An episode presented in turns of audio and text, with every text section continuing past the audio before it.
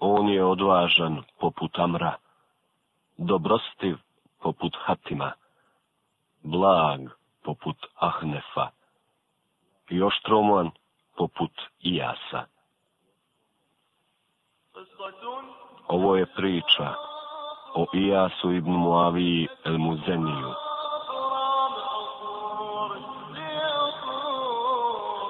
Obuzet brigama i nemirom, vladar pravovjerni Homer ibn Abdulaziz, cijelu noć od nesanice nije mogao oka sklopiti. Te duge i prohladne damaške noći mučio ga je jedan problem. Koga izabrati i postaviti za novo kadiju u gradu Basri? Jer trebalo je naći takvu ličnost koja će biti kadra među ljudima uspostaviti red i mir, zavesti pravdu i učvrstiti Allahov vjerozakon, a da pritome ne bude previše ni okrutnosti, ali ni popustljivosti.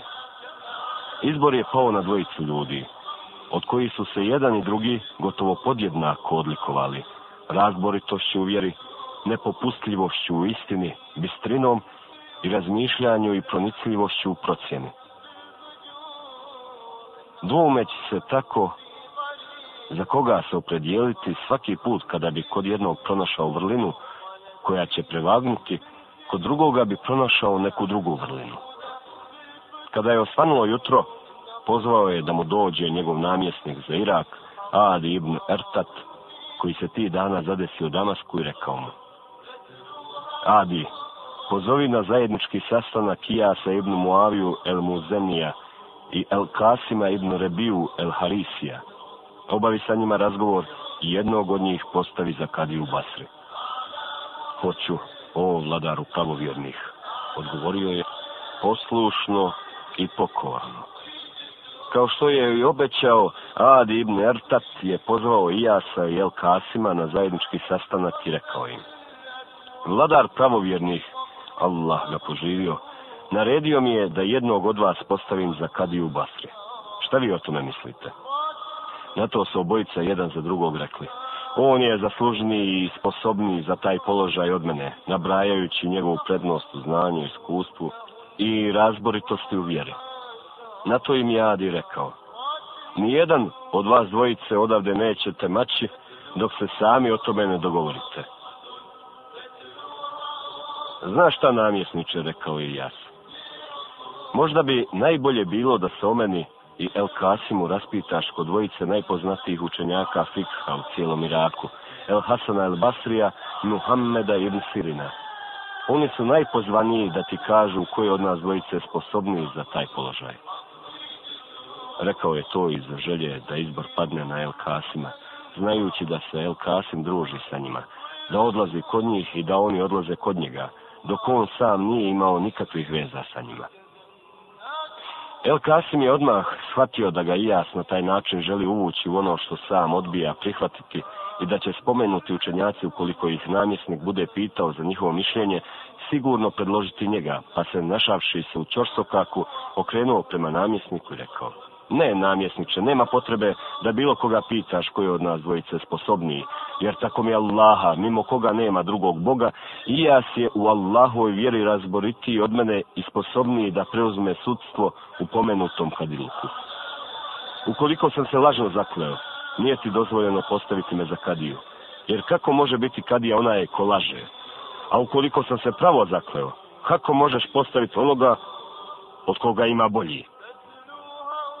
Na to se i jas okrenuo prema namjesniku i rekao, Namjesniče, na šta Pozvao si čovjeka, ponudio mu da preuzme položaj kadije i tako ga doveo na rub džehennemske provalije.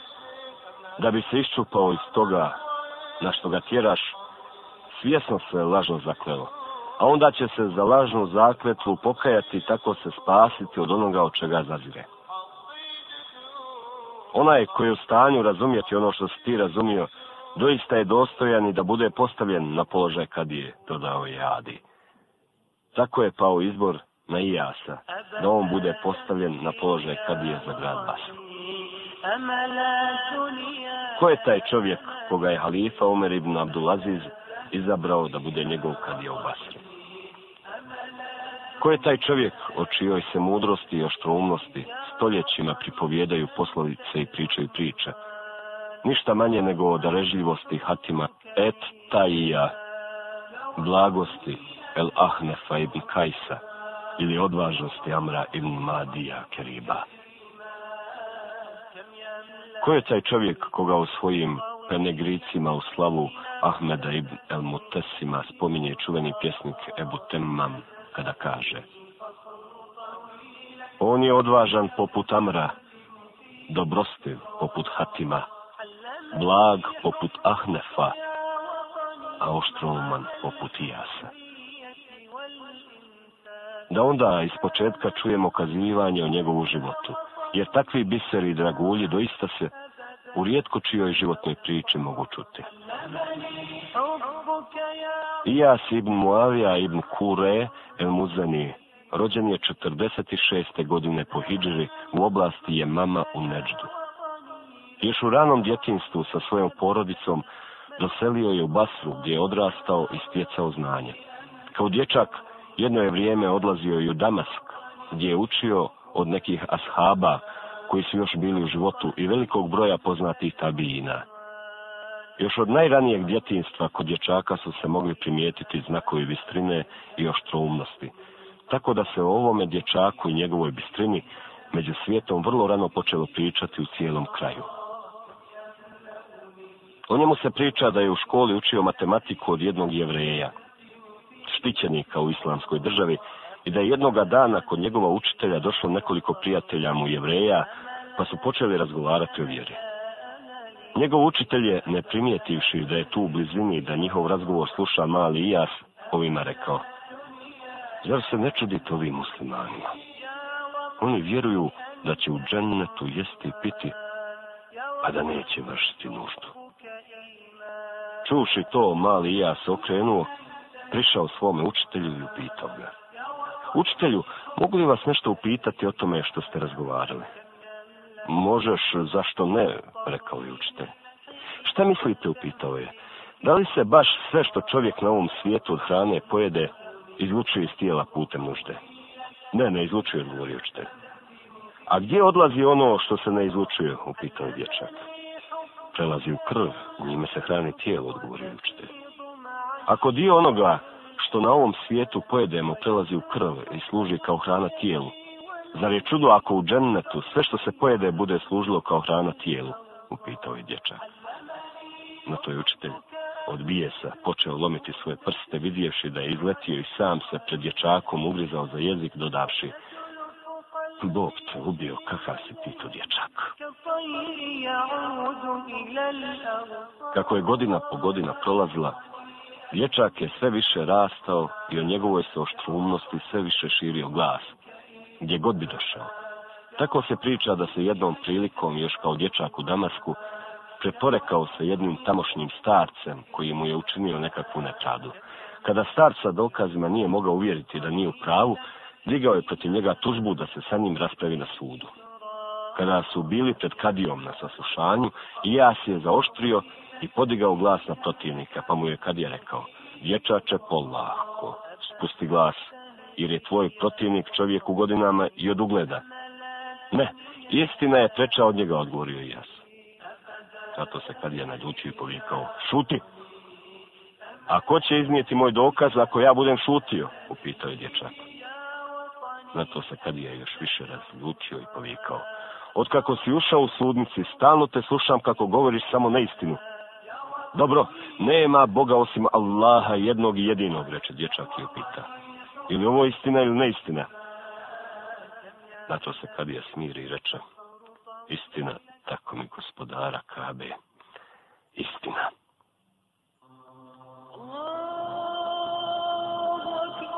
Dječak El Muzeni posvetio se sticanju znanja i toliko se mašallah njime obogatio da su mu uprkos njegove mladosti i stariji ponizno dolazili na noge, slušali njegova predavanja i od njega učili ono što nisu znali. Jedne godine prije nego će preuzeti hilafet u posjetu Basri došao je Abdul Melik Mervan, pa je tamo vidio i jasa, tada još golobradog mladića kako ide naprijed, a iza njega četvorica staraca dobro naučnih učenju Kur'ana sa dugim bradama i u zelenim odorama. Iznenadivši se tome, Abdul Melik je za spomenutu četvoricu staraca sa bradama rekao Uf, zar ove bradolje nisu mogli naći nikakva starca da od njega uče, pa su iste sebe protruli ovog mladića? Zatim se krenuo prema i ja se upitao. Mladiću, koliko imaš godina? Emire, Allah te još dugo poživio, koliko i Usama ibn Zaid, kada mu je Allahu poslanik sallallahu ve sellem povjerio zapovjedništvo nad vojskom u kojoj su bile Ebu Bekri i Omer, odgovorio je. Na to mu je Abdul Malik rekao, mladiću oprosti, prođi naprijed, Allah te blagoslovio. Jedne godine u oči Ramazana svijet je na čelu sa poznatim ashabom Enesom ibn Malikom el Ensarijom, Starcem od blizu stotinu godina života izašao da provjeri može li se na nebu vidjeti mlađak. Ljudi su upirali poglede prema nebu, ali mlađaka na njemu nije bilo. Međutim, Enes ibn Malik se zagledao u nebo i govorio. Vidio se mlađak, enoga ga ondje, enoga, pokazujući na njega rukom, ali ga niko od prisutnih ni dalje nije mogao vidjeti. U to se i dobro zagledao u Enes ibn Malikovo, radijallahu anhu, lice i primijetio kako se jedna duga tlaka iz njegove obrve odvojila i savila ispred njegova oka, pa je prethodno zamolivši da za puštenje svojom rukom uzeo od dlaku, ispravio je i upitao. Vidješ li sada mlađak prijatelju Allahova poslovnika. Na to Enes ponovo počeo upirati prema mjestu na nebu pogled gdje ga je malo prije vidio ali ga sada nije bilo, pa je rekao, ne, ne vidim, ne, ne vidim. Priče o Ijasovoj bistrini i oštroumnosti ubrzo su se pročule, pa mu je sa svih strana počeo dolaziti svijet i postavljati razna pitanja vezana za vjerske znanosti. Iako je većina ljudi dolazila sa iskrenom namjerom da od njega nešto nauči, bilo je takvih koji su mu postavljali provokativna pitanja i sa njim pokušavali voditi rasprave sa zlim namjerama. Tako je na jedno od njegovih predavanja došao nekakav poglavar nemusliman i upitao. Ebu Vajle, šta kažeš o opojnim pićima? Kažem da su haram, govorio je. Po čemu su haram? Upitao je i dodao po sebi ona nisu ništa drugo do sokovi voćnih plodova stavljeni na vatru da proključaju. A to je sve dozvoljeno. Poglavico, jesi li završio ili imaš još nešto dodati, upitao je. Ne, imam više ništa dodati, odgovorio je. Dobro, kada je tako upitao ga je. Ako bih uzeo pregršt vode i njome te udario, da li bi te zaboljelo, upitao je. Ne bi, odgovorio je. A ako bih uzeo pregršt prašine i njome te udario, da li bi te zaboljelo? Upitala. Ne bi, odgovorio je. A ako bih uzeo pregršt slame i njome te udario, da li bi te zaboljelo? Upitao je. Ne bi, odgovorio je. A ako bih uzeo prašine, pomiješao je sa slamom, polio ih vodom i dobro zamijesio, a onda od toga napravio čerpić, i stavio ga da se na suncu osuši i dobro stvrdne, pa te onda njime udario. Šta misliš, da li bi te onda zaboljelo, upitao je. Bi. Možda bi me i usmrtio, odgovorio je. E, tako je i sa vinom, kada se dosta grođe skupi na jedno mjesto, pa Zato jeste zabranjeno, rekao je. Međutim, kada je Ijas preuzeo poslove Kadiluka, Tek tada su posebno došle do izražaja njegova nesvakidašnja bistrina, oštrumnost, lukavost i izvanredna sposobnost u iznuđivanju priznanja i rasvjetljavanju istine. Tako su pred njim poveli parnicu dvojice ljudi, od kojih je jedan tvrdio da je drugome povjerio na čuvanje veliku sumu i metka. Ovaj je to uporno poricao i tvrdio da ga je ni kriva ni dužna potvorio. I ja si optuženog prvo upitao da li je istina da je uzeo na čuvanje spomenut iznos, pa je to odlučno zanijekao i rekao. Ukoliko moj drug zato ima čvrst dokaz, neka ga iznese. U suprotnom se može samo zakleti. Bojeći se da čovjek sa lažnom zakletvom ne dobije ono što nije njegovo, i ja se okrenuo prema onome koji je tvrdio da je svoj metak povjerio ovome drugom na čuvanje i upitao ga. Gdje si mu povjerio pomenuti metak? Na tome i tome mjestu odgovorio je. Šta se na tome mjestu nalazi, upitao je. Jedno veliko drvo, odgovorio je. Pod njim smo sjedili i u njegovu hladu zajedno jeli. A kada smo se htjeli rastati, dao sam mu spomenuti metak. Ustani i idi na to mjesto gdje kažeš da se nalazi drvo, rekao i ja si dodao. Možda ćeš se kada tamo stigneš i ugledaš to drvo sjetiti gdje si metak ostavio i šta si sa njim učinio. Kada to uradiš, ponovo se ovamo vrati da mi ispričaš šta si vidio. Pošto je ovaj izašao i uputio se prema spomenutom mjestu, i ja si rekao optuženom. Sjedi tu i sačekaj dok se tvoj prijatelj ne vrati. Pa je ovaj sjeo. Zatim je Ijas nastavio sa rješavanjem drugih sporova, držeći ovoga na oku i prateći kako se ponaša. Kada je vidio da se optuženi smirio, ubijeđen da će presuda biti u njegovu korist, i ja se prema njemu okrenuo i upitao ga. Šta misliš, da li je tvoj prijatelj stigao do tog mjesta gdje tvrdi da ti je dao imetak? Ne, nije još, bez razmišljanja je odgovorio dodavši. E, to je odavde daleko. Na to je jes povikao. Zar tako Allaho neprijatelju ne priznaješ da si uzeo i metak, a priznaješ da znaš za mjesto gdje si ga uzeo. Tako mi je Allaha, ti si baralica. Tako se čovjek začudi. Zbunio se i na kraju priznao, pa ga je i ja znao uhapciti dok nije došao njegov prijatelj kome je vratio povjereni mu i metak. Jednom drugom prilikom Ijas je trebao riješiti spor između dvojice ljudi i presuditi koji je čiji šal kojim se pokriva glava i gornji dio ramena. Jedan šal je bio nov, skupocijen i zelena, drugi star, poderan i crven. Jedan od dvojice je bio tužitelj, a drugi optuženi. Tužitelj je tvrdio, sišao sam u bazen da se okupam, pa sam svoj zeleni šal skinuo i ostavio na obali bazena zajedno sa ostalom odjećom, pa je ovaj došao, svoj crveni šal stavio pored moga zelenog i sišao u bazen da se i on okupa. Iz bazena je izašao prije mene, pa je obukao svoju odjeću, uzeo moj zeleni šal, stavio ga na svoju glavu, njegove krajeve prebacio preko ramena i krenuo. Ja sam izašao iz bazena i krenuo za njim da mi vrati šal, ali on uporno tvrdio da je to njegov šal. A šta ti na ovo kažeš, upitao i ja sam obtuženio. Ne, ovo je moj šal, odgovorio je. Imaš li kakav neoboriv dokaz da je to tvoj šal, upitao i ja sam tužitelja. Nemam, odgovorio. Zato i ja rekao vrataru, donesi mi češalj, pa mu ga je donio. Zatim je uzeo češalj, pa prvo jednog, a onda drugog dobro iščešljao, ti je iz kose jednog iščešljao sitne crvene dlake, a iz kose drugog zelene. Tako je onome što mu je iz kose iščešljao crvene dlake dao crveni šal, a onome što mu je iz kose iščešljao zelene dlake dao zeleni šal. U njegovo doba u Kufi je živio jedan čovjek koji se svijetu pretvarao da je čestit, pošten, pobožan i bogobojazan, toliko da su ga počeli hvaliti i njegovu čestitost ukivati u zvijezde. Tako su mu neki kufljani počeli povjeravati na čuvanje svoj metak kada bi krenuli na put, a kada bi osjetili da im se približila smrt, ostavljali oporuke da se on brine o njihovoj djeci. Između ostalih došao mu je jedan čovjek i zamolio ga da mu pričuva neke dragocjenosti, pa je ovaj to prihvatio. Nakon izvjesnog vremena čovjeku su zatrebale njegove stvari, pa je došao da mu ih ovaj vrati, ali on porekao da mu ih je ikada dao.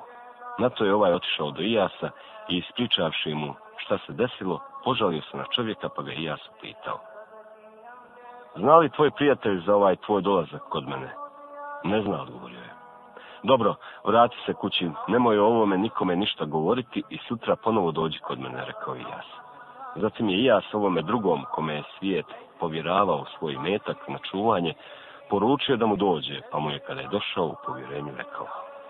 Znaš šta, kod mene se nagomilalo mnogo imetka za izdržavanje siročati bez skrbnika, pa sam znajući za tvoje poštenje nešto razmišljao kako bi bilo da ga predam tebi u emanet pa da ti o njima budiš brigu. Šta ti o tome misliš? Je li ti kuća dovoljno sigurna i imaš li za to vremena? Poštovani Kadija, što se tiče kuće, kuća je sigurna, a ima im vala i vremena. Odgovorio je. Dobro, onda pripremi mjesto za imetak i dođi mi ponovo preko sutra, Nemoj zaboraviti da sa sobom povedeš i nekoliko hamala koji će ti pomoći oko prenošenja imetka.